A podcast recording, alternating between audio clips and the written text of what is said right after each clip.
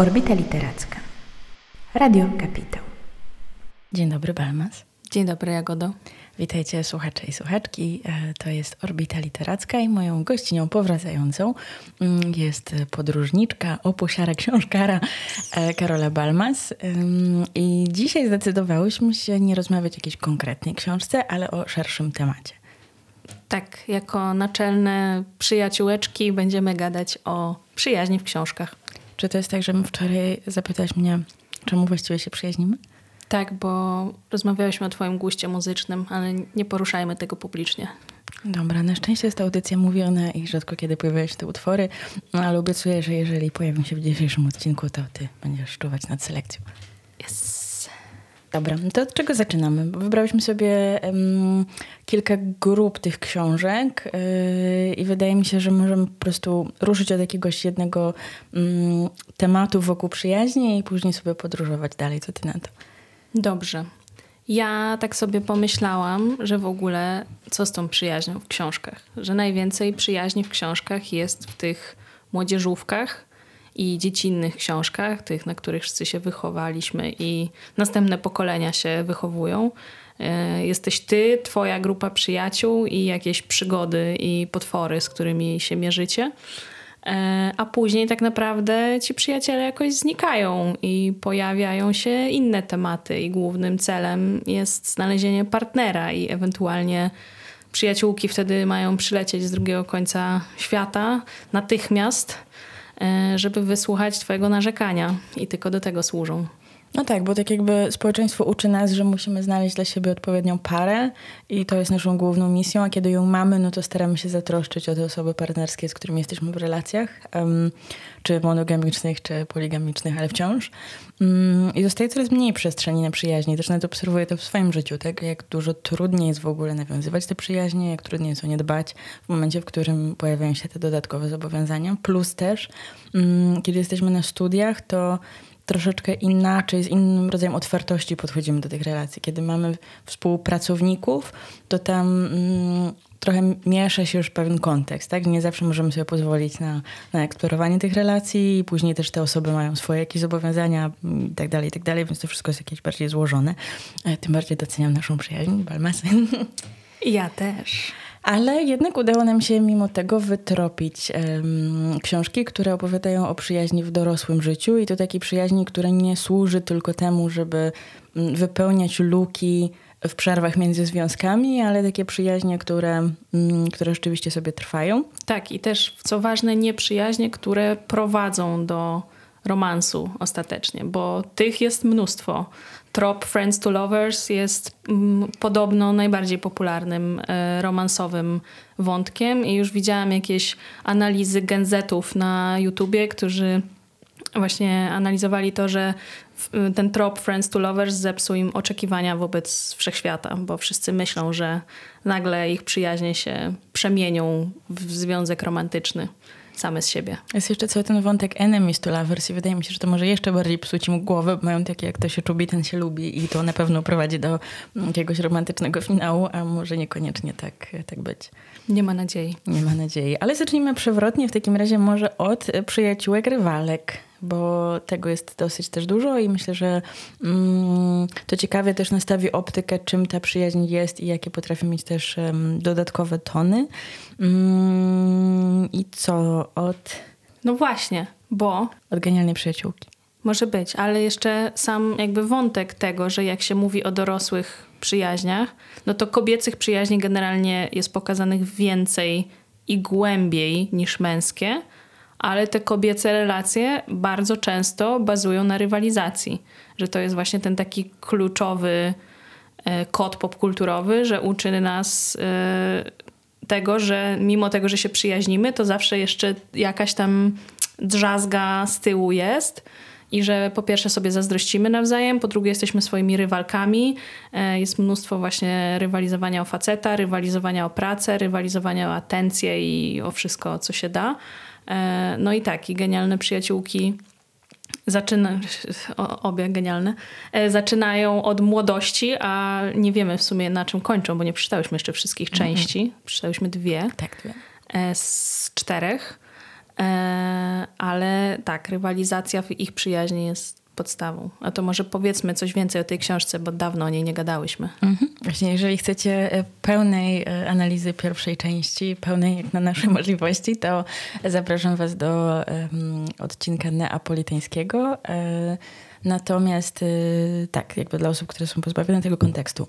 Mm, tetralogia, czyli czteroczęściowa powieść y, Eleny Ferrante, mm, to jest opowieść o dwóch y, dziewczynkach, które poznają się we wczesnym dzieciństwie i później towarzyszymy im przez kolejne lata. Ta narracja zaczyna się w momencie, w którym jedna z nich jest staruszką, a druga gdzieś zaginęła, więc wiemy, że to będzie ciągnięte rzeczywiście mhm. przez dekady.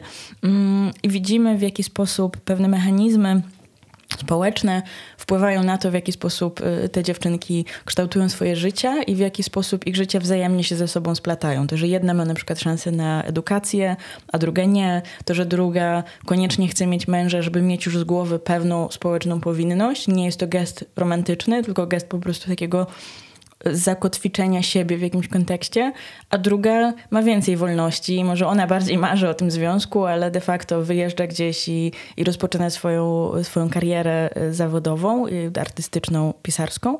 Mm, no i tak, i jakby każda każdej czegoś zazdrości w zupełnie innych właśnie kontekstach. Mm, I nie wiadomo, która z nich jest tą genialną przyjaciółką tak naprawdę. I jedna, wydawałoby się już, że jedna, która na przykład lepiej potrafi pisać, to może być tą osobą, a okazuje się, że ta druga inaczej zupełnie prowadzi swoje życie i to może ona jest właśnie tą geniuszką. Mm, tak, coś chcesz jeszcze dodać? No właśnie, i one rywalizują i o ciało, o przemiany jakieś e, fizjologiczne, o to, jak ich ciało wygląda, i o relacje damsko-męskie, i o inne koleżanki z osiedla, która innym bardziej imponuje. E, I właśnie edukacja, klasa, wszystko, co tylko się da. Łącznie z miesiączką. Dokładnie, a z drugiej strony też E, na siebie nawzajem mm, mega wpływają na e, swój jakby rozwój i kształtowanie swojej tożsamości, bo są na tyle młode, że dopiero odkrywają, jakim są człowiekiem, i ta druga jest kluczowa w tym odkrywaniu siebie. Tak, i trochę tak jakby są dla siebie lustrem też w jakiś sposób. Na zasadzie mogą się przejrzeć, mogą nakreślić swoje własne kontury w kontekście tej drugiej dziewczyny. I one są tak bardzo blisko siebie i ta relacja jest tak silna, że każda decyzja, którą dana osoba podejmuje, wpływa automatycznie na tę drugą. I tam jest bardzo dużo zazdrości i bardzo dużo właśnie też o tym, mm, co powiedziałaś, tak, o tych relacjach romantycznych i tym wszystkim, ale koniec końców to one są tym, co jest najsilniejsze, to są jakby jądrem tej e, historii. Mm, tak. I druga książka, która mi się bardzo skojarzyła, e, że model jest podobny i wiek bohaterek e, początkowy, tutaj początkowy, a w tej książce e, cały czas jest podobny, to był Ośli brzuch Andrzej Abre... Abreu? Abreu. Andrzej Abreu.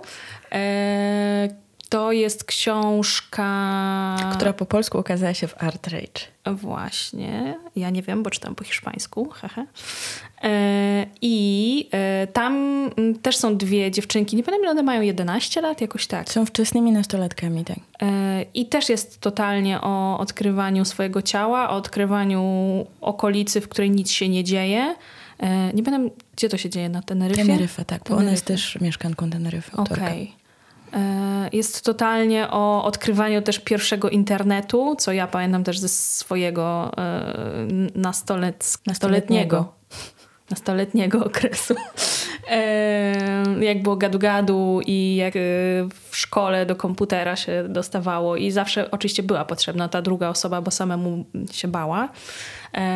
Więc musi być ta właśnie przyjaciółeczka do tego, ale też właśnie odkrywanie innych ludzi, zazdroszczenie sobie nawzajem, e, ta ma większy biust, ta ma mniejszy biust, ta jest grubsza, ta jest chudsza, e, tą ktoś tam bardziej lubi i tak dalej. E, I właśnie ta rywalizacja, też opozycje w grupie, zwłaszcza jak trzecia osoba się pojawiała, ale totalnie te same, te same wątki. Mhm. To prawda. I to właśnie ta trzecia osoba też to jest czymś ciekawym, no bo wydaje się, że przyjaźń nie musi być ekskluzywna do dwóch osób, ale za każdym razem ta trzecia osoba, zarówno, za każdym razem, bo też w genialnej przyjaciółce, mm, pojawia się wzajemna zazdrość, tak? która z nich będzie bliżej do tej osoby, mm, jak to wpłynie na nasze relacje, jak podzieli się czas, jak na przykład to, co ta osoba wnosi do tego duetu, wpłynie po prostu na układ sił, że to jakby jest taki kompletny mm, jakiś moment chaosu i później to się zaczyna wszystko przebudowywać.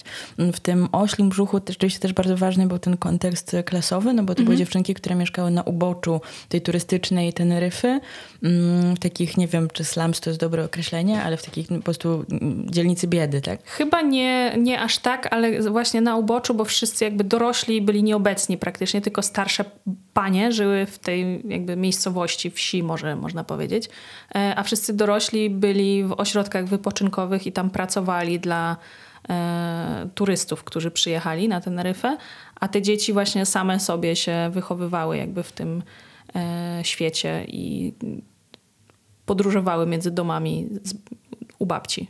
Mi się też jeszcze od razu przypomina e, coś, o czym nie pomyślałam w sumie, kiedy przygotowywałyśmy się do tej, tego odcinka, czyli Paradise Fernandy Melchor. Nie pamiętam, czy ty to czytałeś? Ja tego nie czytałam. To tam jest wątek też taki na uboczu bogactwa i są chłopcy z kolei, którzy się kolegują i którzy dokonują takich małych transgresji.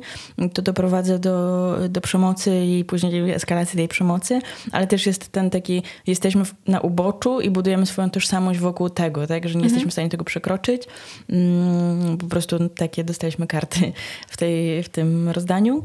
Mm, I też e, szukamy jakiegoś wsparcia i wzajemnie się afirmujemy przez to, że jesteśmy w tym razem, tak, że nie możemy siebie okay. dopisać do bogactwa bogactwa, tylko właśnie e, ten margines jest czymś, co, co tworzy naszą tożsamość. Mhm. No właśnie, bo też w tych jakby młodzieżowych i y, y, historiach o dorastaniu, gdzie dopiero odkrywasz siebie, to po pierwsze odkrywasz siebie przez tą drugą osobę i przez tych spoza twojej y, grupy przyjaciół, ale też jakby uczysz się obcości. Uczysz się tego, kto jest obcym i czy ty też jesteś obca wobec normy w cudzysłowie. E, I wtedy ta grupa przyjaciół jest twoją e, właśnie tą siatką wsparcia.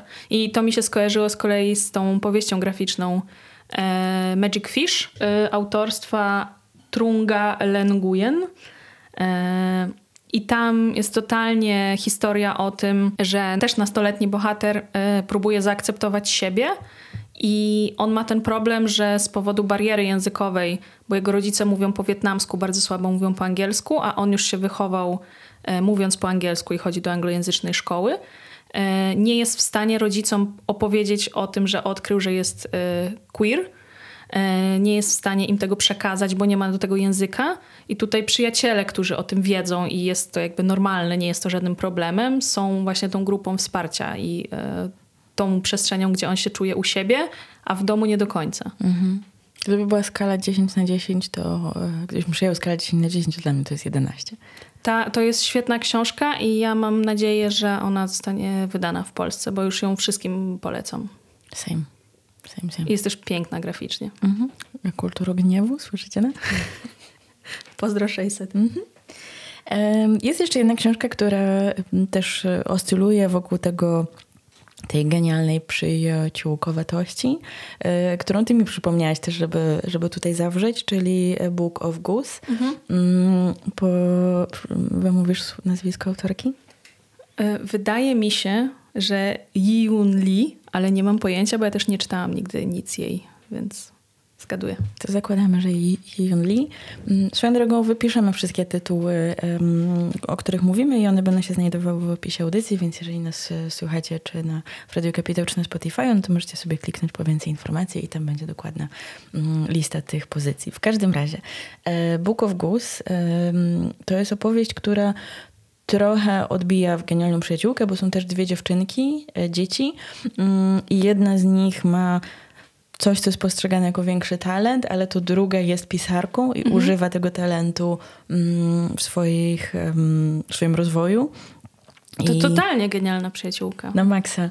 Ale jest tak, że e, ta która ma ten talent, nie chce się ujawniać i wszystko oddaje tej drugiej. I ta druga trafia do jakiejś szkoły dla utalentowanych dziewczynek i one usiłują się ze sobą w jakiś sposób porozumieć i ona też przesyła jej chyba pocztą jakieś, jakieś fragmenty prozy.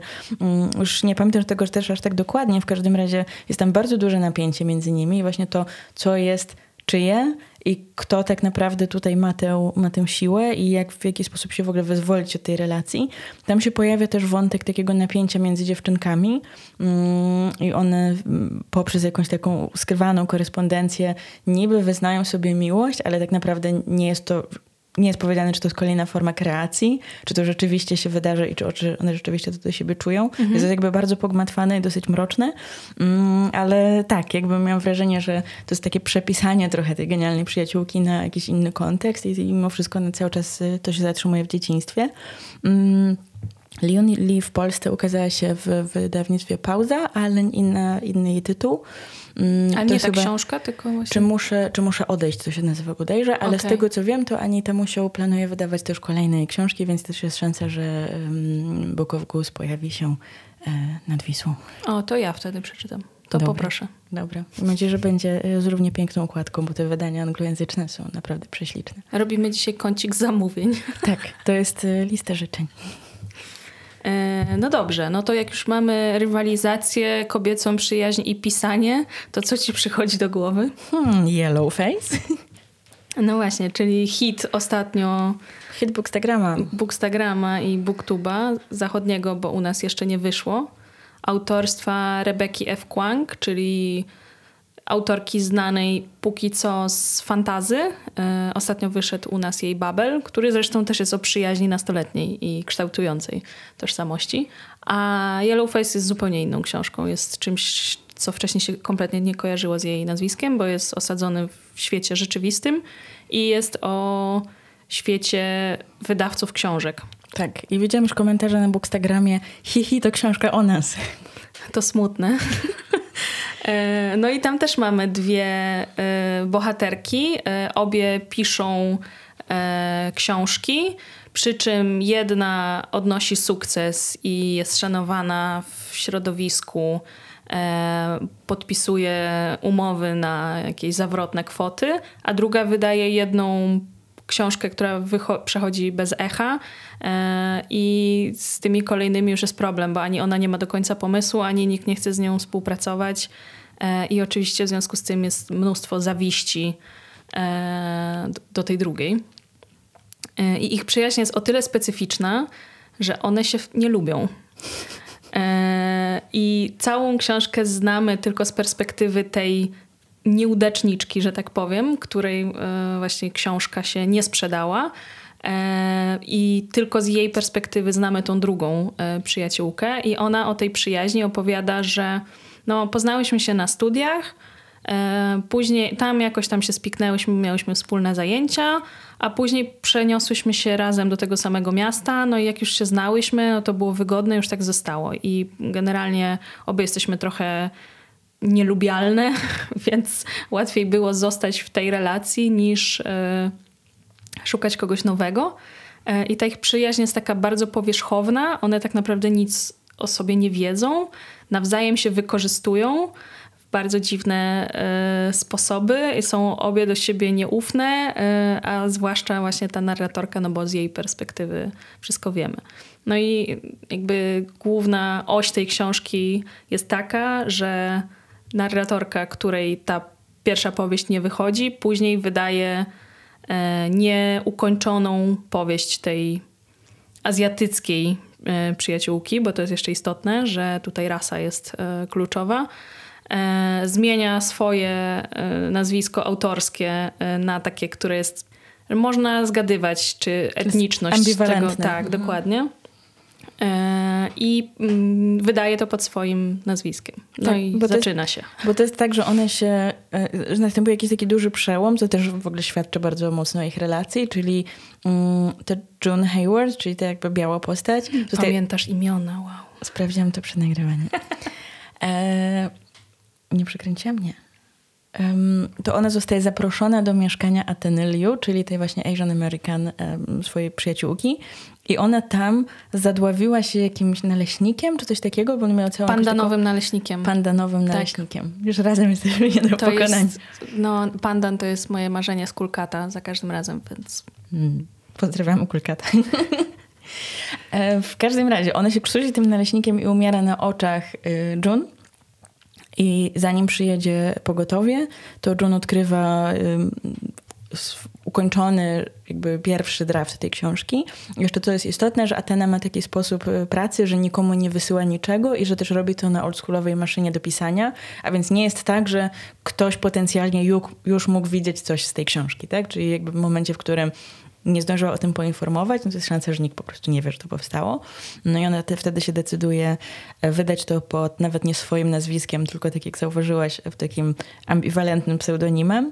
Więc ten wątek rasowy tam będzie bardzo istotny w tej książce. Natomiast... Zwłaszcza, że powieść jest historyczna o y, chińskiej y, historii. Tak. Tak, tak, tak. I tam będzie bardzo dużo dyskusji, jakby cały świat wydawniczy, który się zastanawia, na ile ona ma prawo też to zrobić, jako biała dziewczyna mm, zostaje mentorką jakichś e, az Azjatek amerykańskich, początkujących pisarek i one też są zdziwione, mm, przepraszam, ale ty jesteś biała? Jakby what the fuck.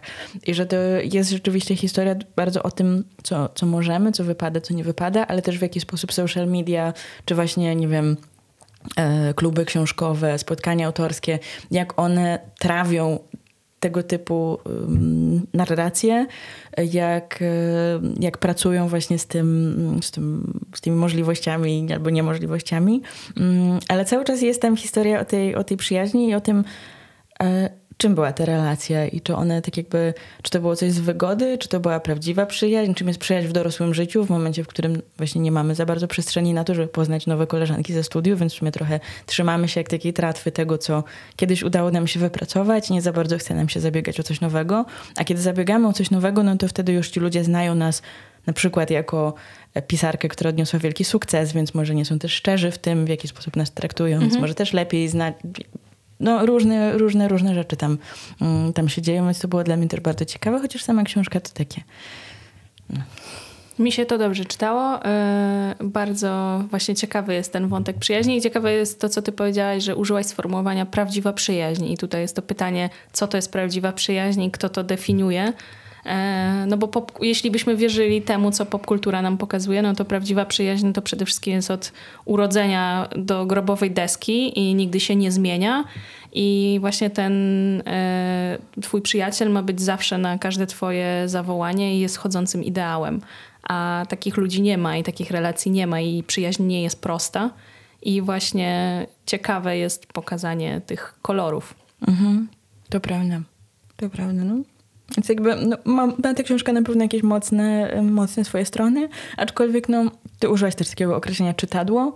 E, w sensie nie dzisiaj, ale, ale wcześniej jak rozmawialiśmy o niej, no i ona rzeczywiście jest czytadłem. W sensie dałam jej rozrywkę, ale też jakby czułam trochę niedosyt. Bo mm. Dla mnie jest bardzo ważne um, czytanie rzeczy o jakichś właśnie kontekstach, czy rasowych, czy um, jakiejś uzurpacji, um, czy właśnie cultural appropriation i tak dalej, i tak dalej. I jakoś, nie wiem, w sensie zawsze domagam się jakiejś większej wagi w tym, a to po prostu tak sobie trochę tu płynęło, później był jakiś wątek kryminalny, coś tam i że jakoś tak... Tak, bo to jest jeszcze w, w klimacie jakby thrillerowym mhm. dodatkowo. Tak. E, ale tak, jest trochę cepem w łeb tam e, wbijanie pewnych rzeczy. E, ale jak przeczytasz Babel, to dowiesz się, że z tego słynie autorka, więc... To mam lekturę jeszcze przed sobą, przeraża mnie te, przeraża mnie te setki stron, ale myślę, że to myślę, że to zrobię. No dobra, no to lecimy dalej. No właśnie, bo już zaczęłyśmy o tej ciągłości przyjaźni i o tym oczekiwaniu, że ona 30 lat później będzie identyczna i że nasze wartości, lifestyle i priorytety w ogóle się nie zmienią i tego przyjaciela też i będziemy non-stop tacy, jak sobie wymyśliliśmy i obiecaliśmy w wieku lat 11 plotąc mulinowe bransoletki. E, no a później się okazuje, że tak nie jest. E, I tutaj mam wspaniały cytat z nieoczekiwanej e, lektury nowego memuaru Paris Hilton, który podobno jest super. Jeszcze go nie przeczytałam, ale zamierzam. I ona tam mówi, bo jest bardzo dużo tam o kobiecej przyjaźni, i mówi, że niektóre przyjaźnie są sezonowe, że są na jeden sezon, a inne przyjaźnie mają swoje sezony i to jest ok. I to jest takie proste zdanie, ale nie ma tego w książkach za bardzo. Nie pokazuje mhm. się tego ani w mhm. serialach, ani w filmach, ani właśnie w książkach. A ta zmiana właśnie y, oczekiwań i lifestyle'u i wszystkiego, y, to mi się skojarzyło z tą książką, którą teraz niedawno obie czytałyśmy. Y, Stillborn, Guadalupe mhm. Nettel. Mhm. Y, to jest meksykańska Meksyk, tak. Y, autorka, nominowana w tym roku do International Booker Prize. Tak. Była na longliście, a później nie przeszła. Niestety, chociaż mi się bardzo podobała. Opowiadaj. E, no to tak, mamy dwie, zgadnijcie, przyjaciółki. E, spisałam sobie Alinę i Laurę. Ważną częścią ich relacji jest to, że żadna z nich nie chce być matką. Przynajmniej tak było do pewnego czasu. I następuje bardzo duży wstrząs w momencie, w którym Alina stwierdza, że chciałaby mieć to dziecko i później zachodzi w tym ciążę. I Laura kompletnie nie jest w stanie sobie z tym poradzić, bo właśnie w DNA ich relacji jest to, że nie, nie, nie, nie chcemy mieć dzieci. Jakby mamy milion argumentów, możemy toczyć o tym jakieś e, dyskusje godzinami. Mm, co więcej, e, Laura rozważa sterylizację. Nie pamiętam, czy ona w końcu to wykonała na sobie, czy nie. Nie wiem też. Nie, nie był to istotny wątek, więc mhm. nie wiem, czy, w tak. ogóle to do, doprowadzili później. Możliwe, że nie, ale w każdym razie no, tak jakby jest na tyle radykalna w tej swojej postawie, że rozważa już taki gest, który no, absolutnie ją uniemożliwi jej później zajście w ciążę. Mm, no i dowiaduje się, że Alina jest w ciąży, spodziewa się dziecka i jakby nie jest w stanie sobie zupełnie z tym poradzić. Mm, I to wywołuje duży konflikt i pytanie, czy ta przyjaźń dalej ma sens i czy możemy ją utrzymać. I co jest y, też paradoksalne, to to, że Laura poznaje że, że, ma sąsiadkę z, z, synkiem i ona poznaje tego syna, stara się mu w jakiś sposób pomóc, potem jest jakaś tam, się dzieje jakaś drama mm, i że to dziecko też się objawia w ich życiu na zupełnie innych zasadach. Nie jest to nawet jej własne dziecko. Mm, nie będzie to nigdy Ani tej przyjaciółki. Ani tej przyjaciółki, e, ale w jakiś sposób się otwiera też na ten experience i co było dla mnie bardzo wartościowe, to to, że ona w tym dziecku zobaczyła człowieka. Mhm. Bo często jest tak, że mówimy o dzieciach jako o takiej masie, na zasadzie nie lubię dzieci, tak jakby nie lubię jakiejś całej zbiorowości. I rzadko wtedy się dostrzega jakieś człowieczeństwo w tej postaci. A to w jakiś sposób przełamało tę, mm, tę jakąś taką blokadę. E, no i tak, co chcesz dodać? No tu jest właśnie bardzo ciekawy ten wątek radzenia sobie ze zmianą, że coś, co uważałaś za jakby podstawowy składnik waszej przyjaźni, Budulec. coś, co ją mhm. definiuje, nagle okazuje się już nieadekwatne i sama przed sobą musisz odpowiedzieć na pytanie, czy w takim razie to dalej jest przyjaźń, E, bo ta właśnie bohaterka Laura, tak, która mhm. nie, nie, nie chce mieć dzieci, e, czuje się zdradzona e, i musi sobie jakoś to ułożyć w głowie i w sumie od niej zależy, co zrobi z tym uczuciem, czy sobie z nim poradzi, czy w nim zostanie. Plus czy Alina będzie miała dla niej tyle, tyle czasu do tej pory, bo w tym momencie musi też zająć się tym dzieckiem i czy one będą w stanie się widywać, że nie wiem, jedna z nich będzie na spacerze z wózkiem, a, a druga w jakiś sposób to zniesie. No jest tam jakiś cały taki um, kłębek różnych y, emocji i różnych konsekwencji do przepracowania dla nich. Więc to rzeczywiście ustawia ich relacje w bardzo ciekawym punkcie. Um, no i to się sprawdza to, o czym, o czym wspomniałaś, że dorastamy w czymś, jesteśmy bardzo, bardzo mocno do tego przywiązane tej rzeczywistości już nie ma i czym jest nasza przyjaźń? Czy ona się rozpada razem z tym, czy jednak jesteśmy w stanie to przebudować, przełożyć te klocki i zrobić jakąś nową mhm. rzeczywistość? Mm. Inny przykład książki opowiadającej o przyjaźni, która się zmienia i ewoluuje, to jest Jutro, Jutro i znów Jutro Gabriel Zewin. E, I tam pokazana jest, co ciekawe, przyjaźń damsko-męska, która do niczego nie prowadzi, oprócz przyjaźni. I nie ma takich przykładów dużo, dlatego to podkreślam. E, I tam jest pokazana też przyjaźń nieidealna, w której pojawia się dużo przeszkód, problemów. Przyjaźń, która zaczyna się od wspólnego pomysłu i bazuje mocno na kreatywności. Bohaterowie e, Sadie i Sam razem tworzą gry komputerowe i ta pasja e, na maksa ich łączy poznają się w ogóle jako dzieciaki w szpitalu y, i grają godzinami w y, gry komputerowe i później jakby przechodzą naturalnie w to, że po latach się spotykają i postanawiają razem zacząć y, tworzyć. No i tutaj jest ciekawe właśnie to, że pojawiają się różne problemy na, na ich drodze i jest pokazane to, że ta przyjaźń nie płynie tak po prostu, tylko wymaga dużo wysiłku, pracy, otwartości, i jakiegoś zaangażowania z każdej strony, żeby to zadziałało. Tak, i też y, jest bardzo ciężko im momentami też przełożyć te rzeczy, które dotyczą po prostu ich przyjaźni i to już jakby, które wynikają z relacji zawodowych. Mm, jedno drugie stara się popchnąć dalej, żeby każde z nich przekroczyło swoje jakieś ograniczenia i to faktycznie działa, ale pojawia się też bardzo dużo frustracji i oni wzajemnie się też owiniają o różne zaniedbania. Mm, tam też jest na przykład kontekst tego, że Sadie jako kobieta w świecie gier komputerowych nie ma takiego posłuchu. Też jest nieco bardziej nieśmiała. Sam jest nieśmiały w życiu codziennym, ale kiedy jedzie na turne promocyjne, to nagle się odpala, jest wielkim showmanem i ona jest później zła, że zasługi za um, tę część kreatywną spadają na sama, która jest w stanie po prostu opowiedzieć o, o, ich procesie. I to się też przekłada na ich relacje, no bo ona później myśli sobie, że on zrobił to celowo, on w jakiś sposób ją stara się wykluczyć i tak dalej, więc rzeczywiście muszą się zmierzyć też z tym. Jest też tam jakiś taki wątek romantyczny, ale on się nigdy nie realizuje i gdzieś tam sobie coś na horyzoncie majaczy, ale tam dzieje się coś innego romantycznego, żebyśmy nie, nie popsuły, to nie, to nie będę przybliżać szczegółów. Mm, I w tym momencie oni też muszą sobie z tym poradzić i w jakiś sposób przebudować tę relację po raz kolejny w kontekście tego, jak się to, mm, jak się to wszystko zmienia i jak każdy z nich y, po prostu prowadzi swoje życie.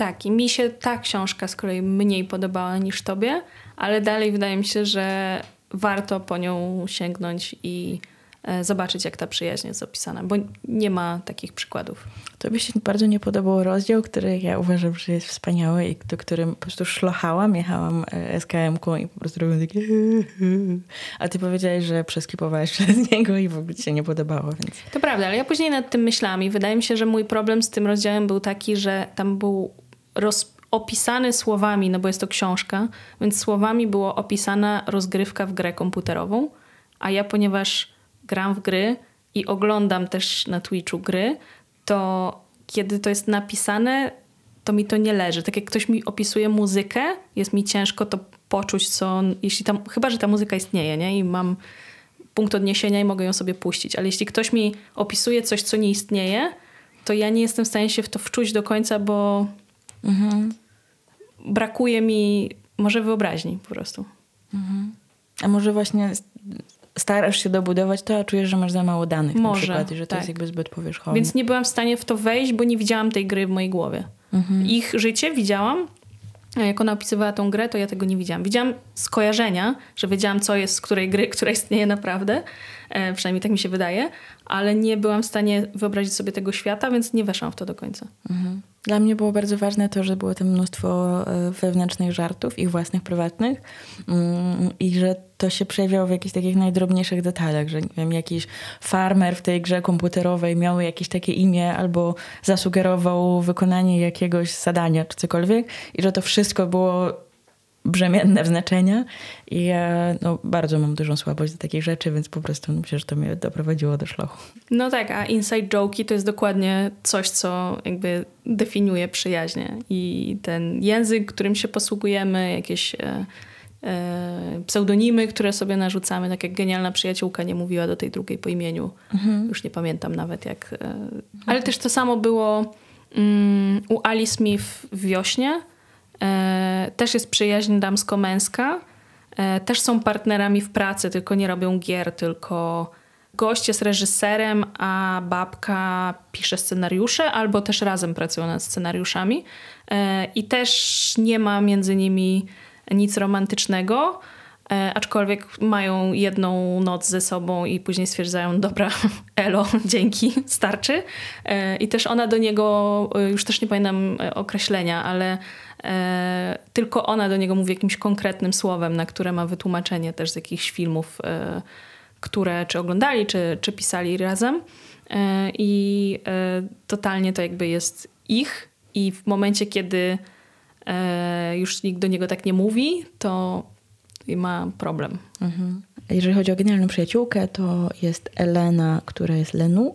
Mm, Rafaela, zwana przez wszystkich Liną, ale dla Eleny jest Lila. I ty, jak nagrywałyśmy tę mm, audycję, powiedziałaś, że gdyby Elena powiedziała do Lili jakimś innym imieniem, to ona by wiedziała, że jest koniec przyjaźni. Mhm, tak, tak. Pamiętam to do tej pory, bo to jest y, moim zdaniem bardzo mocny tekst, jakby taki definicja No tak jak ja do niektórych swoich znajomych mam e, i przyjaciół jakieś określenia i jak ktoś nagle do nich mówi imieniem, to ja nie wiem o kim jest mowa. Tak jakby do mnie ktoś powiedział po imieniu. I byś nie wiedziała o kim mowa. Ale to przypomina mi też e, książkę, która wprawdzie nie dotyczy przyjaźni, tylko relacji romantycznej, czyli Otwarte Wody. Książka, którą ty wciąż jeszcze czytasz, ja ją wczoraj skończyłam. Jestem w połowie właśnie. W pociągu do ciebie doszłam do połowy. Nie możemy zdradzić w takim razie zakończenia, ja nie chcę psuć tobie zakończenia. Mm, wymówisz nazwisko autora? E, wydaje mi się, że autorem książki Otwarte Wody jest Caleb Azuma Nelson. Mam nadzieję. Mogę się mylić. Po polsku wydawnictwo Drzazgi. W każdym razie wspominam o tym, bo tam, kiedy poznaje się, że nie tyle poznaje, jest jakieś jedno z pierwszych spotkań pary bohaterów, to oni siadają i narrator mówi: Zaczęliśmy produkować nasz prywatny świat. I to jest tak, że to jest ten moment, w którym pojawiają się pierwsze prywatne żarty, inside joki, do których oni później będą mogli się odwołać, ale ten pierwszy moment spotkania jest takim mm, kamieniem milowym, takim spotkaniem założycielskim dla tego, co może potencjalnie przyjść dalej. Mhm. Tak, mi się w tej książce y, podoba, że ten ich świat jest mocno wokół muzyki, bo oni są artystami. On jest fotografem. Ona jest tancerką. Ona jest tancerką i też y, muzyka y, soulowa, jazzowa, y, rap i R&B jest mocno dla nich takie kształtujące i bardzo istotne. Więc o tym też dużo mówią. W ogóle jest playlista do tej książki, więc jakbyście czytali, to polecam. Jest oficjalna przez chyba amerykańskie wydawnictwo stworzone. Można znaleźć na Spotify'u. I to właśnie o czym oni gadają i co ich łączy oprócz rasy, bo też rasa jest istotna, że oni byli właśnie tym obcym pośród grupy rówieśników w szkole, e, to właśnie ta muzyka i ta popkultura i tam o filmach też gadają, że to jest takie mocno ich łączące. I oczywiście w tej relacji jest bardzo takie will, way, will they, want they, e, że cała jest podszyta kierunkiem w stronę e, relacji romantycznej, ale właśnie to, te tematy, o których oni e, rozmawiają i właśnie to, co ich łączy i co mają te inside joke'i, to z kolei to mi się skojarzyło z Sally Rooney, mhm. której ja nie lubię, ale to dlatego, że właśnie jej postacie, które też się przyjaźnią, to mm, ich przyjaźń nie jest moim typem przyjaźni. W sensie tematy, jakie oni poruszają, są zupełnie inne niż właśnie w otwartych wodach. Otwarte wody to są moje przyjaźnie, moje tematy. Ja tak gadam. Z tobą gadam o książkach, z innymi gadam o muzyce, a jak czytam książkę o muzyce, to wszystkim każę ją przeczytać. E, a u Sally Rooney na przykład w Gdzie jesteś piękny świecie, oprócz tego, że znowu mamy ciekawy wątek przyjaciółek, które z kolei mm, moim zdaniem one się przyjaźnią nie ze sobą, tylko ze swoim wyobrażeniem o sobie bo one się praktycznie nie widują i większość ich relacji odbywa się w mailach. Albo e, przyjaźnią się z wizją relacji, którą mają. Tak, z wyobrażoną jakby przyjaźnią, która nie istnieje. Jak się spotkają, to nie wiedzą, co mają ze sobą zrobić i e, są tam mega napięcia, ale rozmowy, które one też ze sobą prowadzą, E, są dla mnie totalnie, to nie są moi ludzie, w mojej głowie nie istnieją tacy ludzie. One rozmawia, piszą 30-stronicowe maile o kapitalizmie, filozofii, rzeźbie i kamieniach. Nie, dzięki, wolę R&B. Są w moim życiu mm, też takie relacje, w których rozmawiamy o kapitalizmie, kamieniach i czym? Filozofii. I filozofii. Tak, ja wolę o kamieniach z tego wszystkiego. Więc nie, nie oceniam ich tak krytycznie, jeżeli chodzi o dobór tematów, Aczkolwiek rzeczywiście e, podzielam tę refleksję, że one są przywiązane do wizji prowadzenia tej relacji, trochę tak jakby ktoś miał później wy, wydać ich korespondencję. Mhm. Tak, tak, tak. A z kolei e, w tym momencie, do którego ja doszłam w otwartych wodach, więc nie będzie to jeszcze spoiler, bo nie skończyłam, e, tam właśnie tą barierą dlaczego bohaterowie się jeszcze tak bujają z tym pomysłem, czy prze, przejść na wyższy krok, czy nie, jest to, że się boją zaryzykować tą przyjaźń, mhm. że ona mhm. jest tak dobra, że nie chcą jej stracić. No i to jest trudne, bo rzeczywiście mm, mogą zaprzepaścić szansę na jakąś taką wielką romantyczną relację i że może rzeczywiście pasują do siebie i to wejście na kolejny level będzie miało sens. Ale z drugiej strony też, jeżeli to się nie uda, jeżeli coś tam się rozjedzie, a jest to zawsze ryzyko, no to będzie trudno im potencjalnie wrócić do relacji przyjacielskiej bez tego, co się wydarzy. potencjalnie, e, jeżeli, jeżeli spróbują. Mm, I myślę sobie też o rozmowach z przyjaciółmi mhm. Rooney. Mm, tam jest cała taka roszada relacji przyjacielsko-romantycznych i dziewczyny to też trochę nas um, przywraca do tego wątku przyjaciółek rywalek, um, bo tam są z kolei dwie przyjaciółki i Otworzyłam tę książkę na losowej stronie, żeby ją przejrzeć, żeby sobie przypomnieć do, do nagrywania i trafił mi się cytat, który myślę, że bardzo, bardzo dobrze się też wpasowuje w to, o czym rozmawialiśmy wcześniej i ogólnie o to, jak czasami przyjaźń potrafi wyglądać. Patrzyłam, jak za szybą Bobby strzepuje spod oka drobiną tuszu do rzęs. Nadgarstki miała smukłe, dłonie zgrabne o długich palcach. Nieraz, gdy się nudziłam, na przykład wracając z pracy do domu albo wieszając pranie, wyobrażałam sobie, że wyglądam jak Bobby. Miała lepszą figurę niż ja, no i piękną twarz, którą zapada w pamięć. Tak bardzo uległam tej sugestii, że kiedy przypadkiem zobaczyłam swoje odbicie, doznałam osobliwego szoku, jakbym to nie była ja. Mega mocne mhm. i też takie trochę obsesyjne, ale z drugiej strony przez to, że patrzysz na Bobby, jeżeli się przyjaźnicie tak blisko, patrzysz na Bobby potencjalnie częściej niż w lustro i jakby jesteś przyzwyczajona do tego jej odbicia i też chłoniesz bardzo to, kim ona jest i trochę budujesz swoją tożsamość w, w tym połączeniu, no to rzeczywiście bardziej już y, masz jej obraz wdrukowany w siebie niż swój własny. No, ciekawe. Czy widzisz moją twarz, kiedy patrzysz w lustro? Tak, zawsze. Wspaniale, ja też. Mm, I to jest historia taka, w której one poznają um, artystkę i jej partnera, nie pamiętam czy on był mężem czy nie. No i później jedna z nich zaczyna romans, później ktoś inny zaczyna romans i tak jakby są też zazdrości o to, kto co, kto co może z kim zrobić. Um, I też pamiętam, że ta Frances, czyli ta główna bohaterka, czy tam narratorka, była tak szczęśliwa, że ktoś zwrócił na nią uwagę, a nie na jej przyjaciółkę, że trochę pewne gesty wynikały po prostu z tej, z tej radości i myślę sobie, że trudno jest czasami być w relacji z jakąś taką nierównością, że ty się czujesz mhm. właśnie gorsza, czujesz nie wiem, mniej atrakcyjna, nawet jeżeli w jakimś takim obiektywnym spojrzeniu to tak wcale nie wygląda, bo też bardzo łatwo w samą siebie wpędzić w jakieś poczucie gorszości. To świetnie pokazują też genialne przyjaciółki, że tak naprawdę każda z nich mogła być genialną przyjaciółką, a obie myślą tak o sobie, o tej drugiej. Więc tak, to Sally Rooney, twoja ulubiona pisarka. Polecam przeczytać i Otwarte Wody, i coś Sally Rooney i wybrać sobie, która przyjaźń jest bardziej wasza. I zbudować swoją tożsamość wokół tej przyjaźni. Tak, obie te przyjaźnie są, znaczy jakby wersje tych, y, tych ludzi młodych są właśnie ważne jest to, że to jest takie, że czuje się to tak może do 25 roku życia. Y, ale z Sally Rooney miałam tak, że czytając te książki, bo przeczytam trzy książki. Przy każdej miałam poczucie, jestem za stara, żeby to czytać. A przy e, Nelsonie miałam tak, aha, też tak miałam, że bardziej nostalgicznie, że ponieważ to był bardziej mój świat, to e, byłam w stanie się do tego odnieść, a po prostu Sally Rooney to nie jest mój świat. Może byłam za głupia, żeby gadać o kapitalizmie, kiedy miałam 17 lat. Hmm, zostawię to bez komentarzy. Natomiast zostały nam wciąż y, przyjaźnie mm, dziecięce, które występują w literaturze dla dorosłych, y, czyli nie te mm, książki Young Adult, o których mówiłaś, czy, czy po prostu literatura dziecięca, ale na przykład y, Heaven, Mieko Kawakami, dobrze mhm. wmawiam?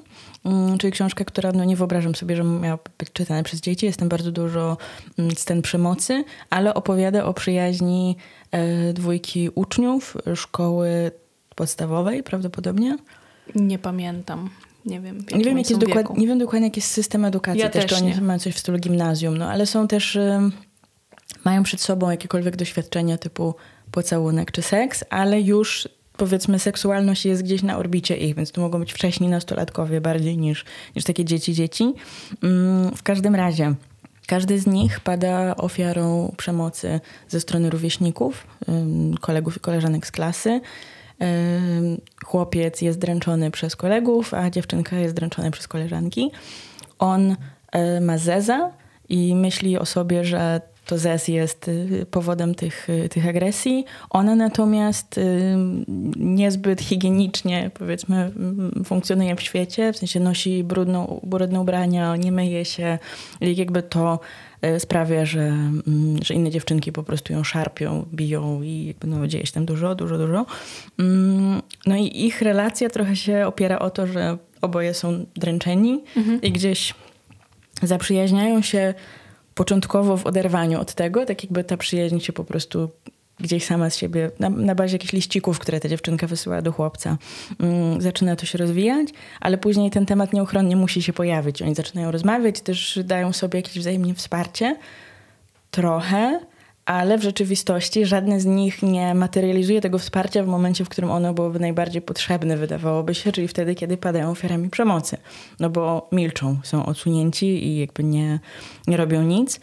Um, nie chcę tego w sumie ciągnąć dalej, żeby nie spoilerować, bo w sumie zaraz mogę opowiedzieć całą fabułę tej książki. Um, ale to było ciekawe bardzo, czym ta przyjaźń jest w przestrzeni prywatnej, a czym jest w przestrzeni publicznej, jaki jest przeskok. Mhm. Wydaje mi się, że dużo jest też takich relacji w życiu, Mm, gdzie dużo prościej jest się z kimś, przed kimś otworzyć, na przykład w jakimś kontekście pozbawionym tego wzroku z zewnątrz, ale na przykład jeżeli ta osoba nie jest, y, nie funkcjonuje w jakichś szeroko przyjętych normach, to że później, nie wiem, ktoś może powiedzieć, nie chcę, żeby mnie widziano z tą osobą. To jest oczywiście mega słabe, no ale tak jakby jest to część rzeczywistości. Ale to nam się totalnie wiąże z książką, którą niedawno omawiałyśmy w audycji. Yy, nazwałem go Krawat Mileny Michiko Flaszar. Tak. Yy, bo tam też jest o kulturze japońskiej i o tym, co można publicznie, a czego nie można publicznie. Też jest o tych yy, przyjaźniach szkolnych i dręczeniu i tam główny bohater ma ten problem, że nie zareagował i z jego perspektywy sobie E, próbujemy dowiedzieć, jak to jest, nie zareagować i jakie są tego konsekwencje. A jakby efektem tego jest zupełnie niespodziewana przyjaźń między nim a starszym mężczyzną, którego spotyka w parku po tym, jak po chyba miesiącach, a może latach niewychodzenia z domu mhm. zaczyna wychodzić. Tak, on jest hikikomorim, bo przez te wszystkie doświadczenia szkolne E, wycofuje się z świata i tak jakby każda przestrzeń jest zbyt szeroka, więc finalnie tylko pokój jest w stanie go um, pomieścić. A z kolei ten starszy mężczyzna został zwolniony z pracy biurowej i jakby jest e, zawstydzony tym, że już przestał być przydatny i udaje przed żoną, że dalej chodzi do pracy, więc przychodzi do parku. A ten hikikomori trochę wychodzi ze swojej roli, no bo w pewnym momencie opuszcza mieszkanie i zaczyna przychodzić do parku i oni tam się spotkają. Więc tak naprawdę każdy z nich, mm, mówiliśmy też o tym w orbicie literackiej, zapraszam do słuchania jakby całej, całej tej opowieści, mm, że żadne z nich nie powinno być w tym miejscu, a jednak są i na tym gruncie i dokładnie na tej ławce e, rozwija się ich relacja i to jest piękna książka, poruszająca. Tak, i ciekawe jest to, że w Heaven u Kawakami oni właśnie tą mm, ich nitką, która ich łączy, czerwoną nitką, która też mhm. u e, Flashar jest wspomniana z mitologii chyba japońskiej, jest to, że są oni kontra ci dręczyciele i że dobra, żyjemy w tej kulturze, więc wiemy, że nie możemy zareagować, ale wiem, że tam jesteś i jesteś w takiej sytuacji jak ja. E, i nie wiem, czy mi to daje komfort, czy niekoniecznie, bo równocześnie stresuje mnie to, że ciebie też dotyczy e, ta sytuacja. A bohaterowie krawata, w skrócie, e, są oni dwaj kontra oczekiwania społeczne i też są jakby postawieni przeciwko całej reszcie. Mhm, mhm. No i to też potrafi być budulcem przyjaźni, na zasadzie, że dajemy sobie właśnie to Yy, to wsparcie, aczkolwiek rzeczywiście no, trochę się przypomina małe książę, tak? że jesteś odpowiedzialny za to, co oswoiłeś i pytanie, czy możesz patrzeć na to, że twoją przyjaciółkę, nie wiem, ktoś wlecze po podłodze i ona piszczy, a ty boisz się odezwać, bo zaraz ciebie będą wlec po podłodze, tak? Jakby gdzie tu jest, gdzie tu jest granica i co jest właściwie takim dobrym, właściwym, pożądanym zachowaniem. No i ciekawy jest też y, przy okazji właśnie y, krawata, y, że to jest przyjaźń między osobami w bardzo różnym wieku, młody mhm. chłopak i starszy mężczyzna, ale tam one, oni są na równych zasadach. Tam nie ma jakiegoś takiego opiekuńczo-nauczycielskiego wątku, że ja jestem nad mhm. tobą i nauczę cię życia, tylko oni jakby nawzajem sobie służą. To prawda. Że też są bardzo otwarci na to, co się, co się może wydarzyć i na to w ogóle, jak ich relacja może przebiegać i wszystko, więc to... Bo z kolei kojarzy mi się, i to jest zaskoczenie mm -hmm. sezonu, Ali Smith, którą wrzucę przy każdym możliwym wątku, dopóki jej nie przeczytasz. E, w jesieni z kolei, czyli w pierwszej części jej e, tetralogii o porach roku. E, tam jest przyjaźń, między, która zaczyna się, też długo się ciągnie, ale zaczyna się między nastoletnią dziewczynką, a jej już starszym, dorosłym sąsiadem i później przez lata e, się kontynuuje. E, I tam e, ten wątek wieku jest istotny, bo on ją jakby uczy o sztuce, pokazuje jej różne rzeczy. Oni prowadzą właśnie takie totalnie rozmowy typu jestem starszym typem i pokażę ci rzeczy, ale nie w creepy way. nie jest to Lolita, mhm. tylko właśnie ona się zaczyna interesować sztuką, chyba później idzie na takie studia też w związku z tym i, i zupełnie inny jakby jest ten model przyjaźni niż w krawacie. Mhm, mhm. Czyli bardziej taki... Um... Mentor. Mentor, to mhm. jest to słowo. Mhm. No dobra, no to mamy y, dziecinne przyjaźnie, mamy młodzieżowe przyjaźnie, mamy przyjaźnie romantyczne i nieromantyczne i mamy dużo kobiecych, a nie mamy męskich. Co jest z tymi męskimi przyjaźniami? Nie mam tego przemyślanego, bo w sumie przyszło mi do głowy teraz, ale jest ta książka Bell Hooks o męskości mhm. i tam mhm. jest cała mowa o tym, że mężczyznom dużo prościej jest pójść pograć w kosza, a nie porozmawiać o przyjaźni. Więc wyobrażam sobie, że w literaturze to po prostu byliby mężczyźni robiący razem rzeczy, niż mężczyźni, którzy dzielą się emocjami i tak dalej, a my w sumie bardziej chyba czytamy książki, które gdzieś e, wchodzą głębiej, gdzie jest jednak więcej o rozmowie, a nie o jakiejś akcji, tak mi się wydaje. Mów Więc... za siebie. Sorry. No bo ja jak zaczęłam się nad tym zastanawiać, to znaczy przejrzałam swoje regały e, i nie mam tak jak ty, nie mam wszystkiego. Ty posiadasz wszystkie książki tego świata, a ja posiadam tylko część. E, więc jak spojrzałam na swoje regały, to większość tych książek, które mi przyszły do głowy, że jest, są tam męskie przyjaźnie, to jest jednak z tego dziecinnego porządku, gdzie masz jakąś przygodę, że to jest bardziej twój partner in crime i jakiś taki kompanion, wiesz, we wszystkich fantazji i przygodówkach, wiesz, masz autostopem przez galaktykę, gdzie główni bohaterowie skaczą między planetami, nie? I się mhm. przyjaźnią, ale to jest na zasadzie, dobra, tu ci uratuje dupę, a tutaj coś tam. Mhm. E, to w sumie realizuje trochę to, co mówi Hooks, na zasadzie, że po prostu przeżywają przygody i ich relacja jest tak. oparta właśnie na przygodach, a nie o takim saporcie emocjonalnym. A w bardziej niefantastycznym wątku mi przyszło do głowy bitnikowskie przyjaźnie, które totalnie mi się kojarzą też z tą popkulturowym modelem przyjaźni, wiesz, Cats Vegas, mhm. że jedziemy samochodem i tu idziemy do baru, tu się nawalimy, tu jakaś dziunia, tutaj coś palimy, tu opowiem ci, kogo spotkałem, ale nie powiem ci niczego o sobie. No mi przewrotnie przypomina się książka, którą zaczęłam czytać dzisiaj, czyli Phil Clay Przerzut, e, wydawnictwo Cyranka.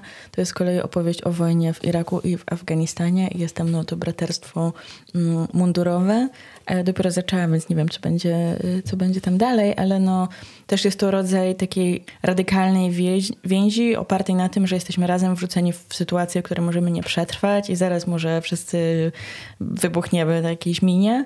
I jesteśmy tak bardzo blisko, że tam na przykład jest scena, to jest w miarę na początku książki, więc po prostu nie jest spoiler, że dziewczyna jednego z bohaterów wysyła mu nagie zdjęcia do bazy i jest przyjęte, że kiedy jeden ziomek dostaje nagie zdjęcia, to one muszą być wszędzie i musi oddać je kolegom, czyli że nie wiem, wykleją je sobie w kiblu i on nie chce i jakby usiłuje zjeść te zdjęcia natychmiast, kiedy widzi, że to jest to.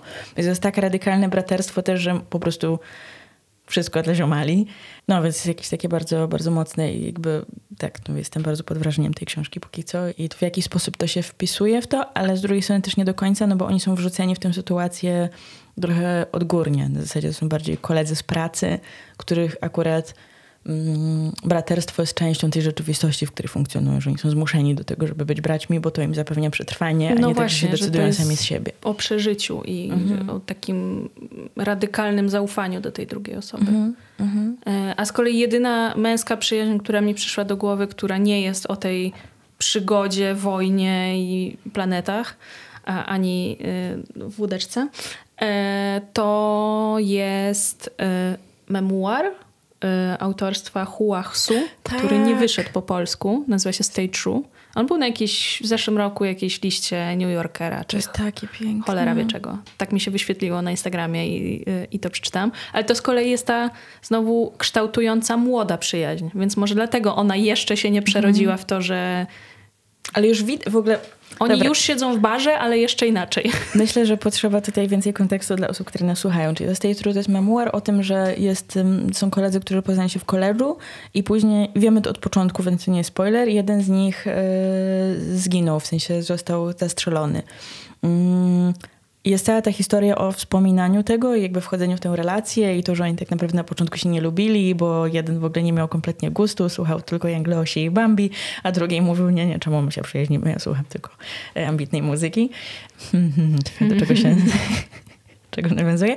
W każdym razie e, to jest mega mocne, bo w momencie, w którym już dochodzi do tej nocy przed, czy tej nocy, w której to się dzieje, to ten przyjaciel, narrator chce iść na jakąś inną imprezę i w sumie nie czuje się za dobrze z tym ziomalem i okej, okay, no dobra, może się spotkamy w niedzielę i kiedy on się później nie odzywa do niego w niedzielę, ma takie okej, okay, właściwie to nie chciało mi się z nim spotkać, bo to jest ten moment, w którym ich życia się już rozchodzą. Jeden z nich ma dziewczynę, mają jakieś inne prace i tak jakby zaczynają trochę wsiąkać w te alternatywne rzeczywistości. Już trochę nie ma tej, tego wspólnego mianownika koleżowego i być może ta relacja by tak czy inaczej się rozpadła, mhm. no ale siłą rzeczy jest to ciachnięcie, no bo już po prostu ziomka nie ma i nie ma jak się nad tym zastanowić, no bo po prostu już jakby nie żyje.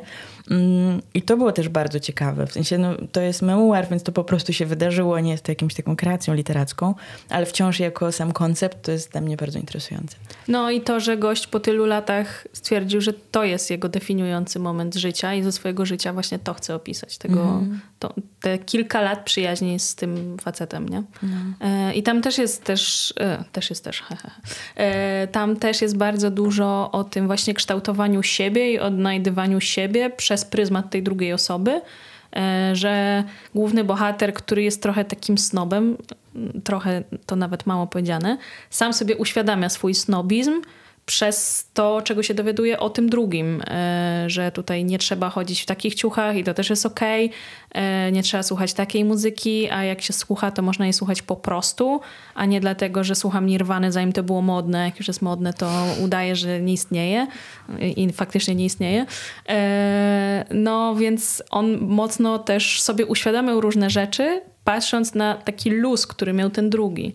No i tutaj szkoda, że nie wiemy, jaka była perspektywa tego drugiego, nie? Czy on mm -hmm. faktycznie miał ten luz, czy to było jeszcze coś, e, coś innego. Tak, to prawda. Ale bardzo ciekawy jest właśnie ten wątek, e, który ja częściej czytam o tych damskich przyjaźniach, mm -hmm. że te mhm. nastoletnie dziewczynki odnajdują siebie przez tą drugą, a tutaj właśnie było ta popkultura, te ciuchy, te związki, to czy mogę nie iść na imprezę, czy mogę po prostu tutaj stać i palić fajka i się przyznać do tego, że mi się nie chce iść na imprezę. Mhm. E, I dopiero jak ten drugi mi pozwoli, no to wtedy wiem, że to jest okej, okay, że to też jest cool.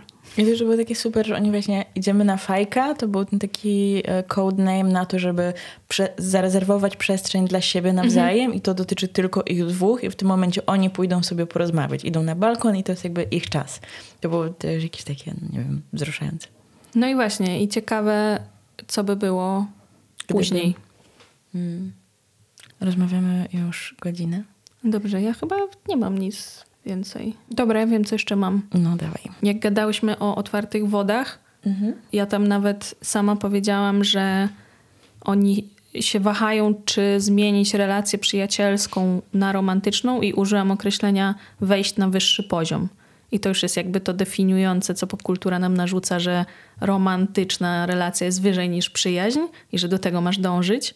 Mhm. A jakby antyprzykład znowu z y, młodzieżowego poletka y, YA jest w Loveless Alice Osman. Mhm. Tam jest o dziewczynie, która chyba idzie na uniwerek i jest wychowana jakby na tej kulturze, w której my wszyscy jesteśmy wychowani, że ma obsesję na punkcie komedii romantycznych i czeka na tą wielką miłość, która e, ją spotka i idzie na te studia już wiedząc, że niedługo zacznie wchodzić w te związki, których się naoglądała, jakby wyobrażała sobie przez całe życie, że tak będzie wyglądała jej dorosłość.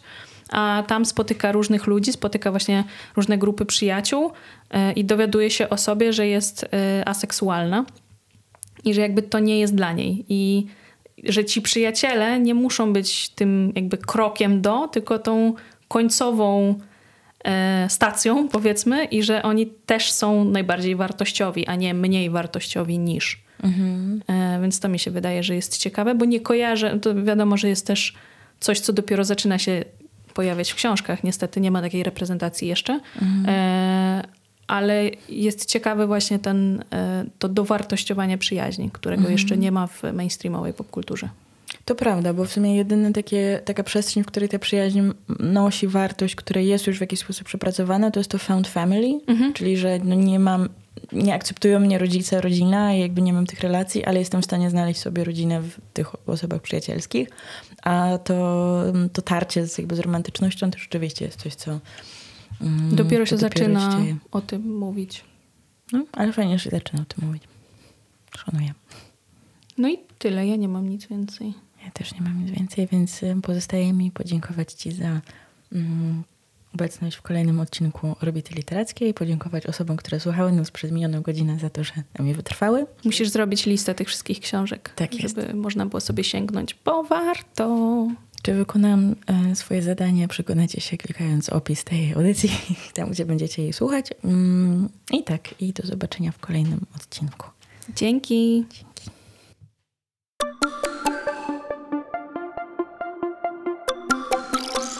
Orbita Literacka. Radio Kapitał.